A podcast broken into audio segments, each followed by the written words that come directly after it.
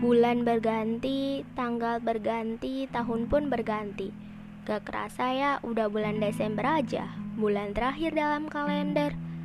Udah ngelakuin apa aja nih untuk tahun 2020 ini? E, pasti banyak banget deh pelajaran hidup di tahun 2020 ini tentang proses pendewasaan diri mungkin atau sesuatu yang kadang di luar ekspektasi yang mungkin gak diduga sebelumnya atau juga sesuatu yang kita kira bakal berakhir sad ending, eh ternyata berakhir dengan happy ending. Dan sebaliknya, eh, sebelum lanjut, balik lagi sama aku Aziza di podcast Angan dan Waktu. Gimana kabar kalian di bulan Desember ini? Baik-baik aja kan? Dan panjang umur juga buat semua hal-hal baik. Gimana 11 bulan kemarin? Banyak senangnya atau banyak sedihnya? Semoga banyak senangnya ya. Target untuk tahun 2020 ini udah terpenuhi atau masih ada yang bolong. Apa pun itu, doa kita tetap sama, yaitu didatangkan dengan hal baik dan berubah menjadi pribadi yang lebih baik.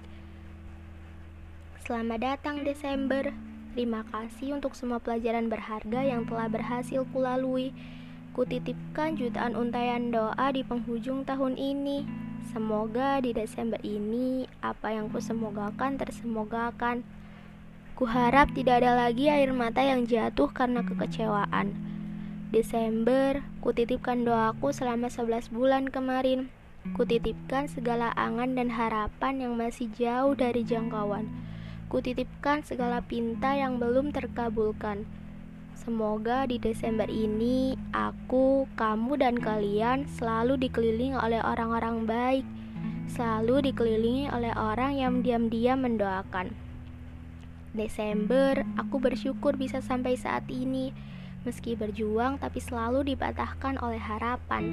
Meski berjuang tapi tidak selalu memuaskan. Aku bersyukur karena dengan itu aku belajar untuk menjadi pribadi yang lebih mudah mengikhlaskan menjadi pribadi yang mudah memaafkan.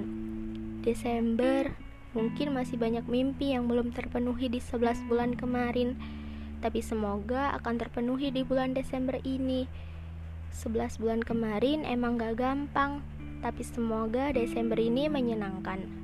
Jika Oktober menyakitkan, November mematahkan, semoga Desember ini menyembuhkan.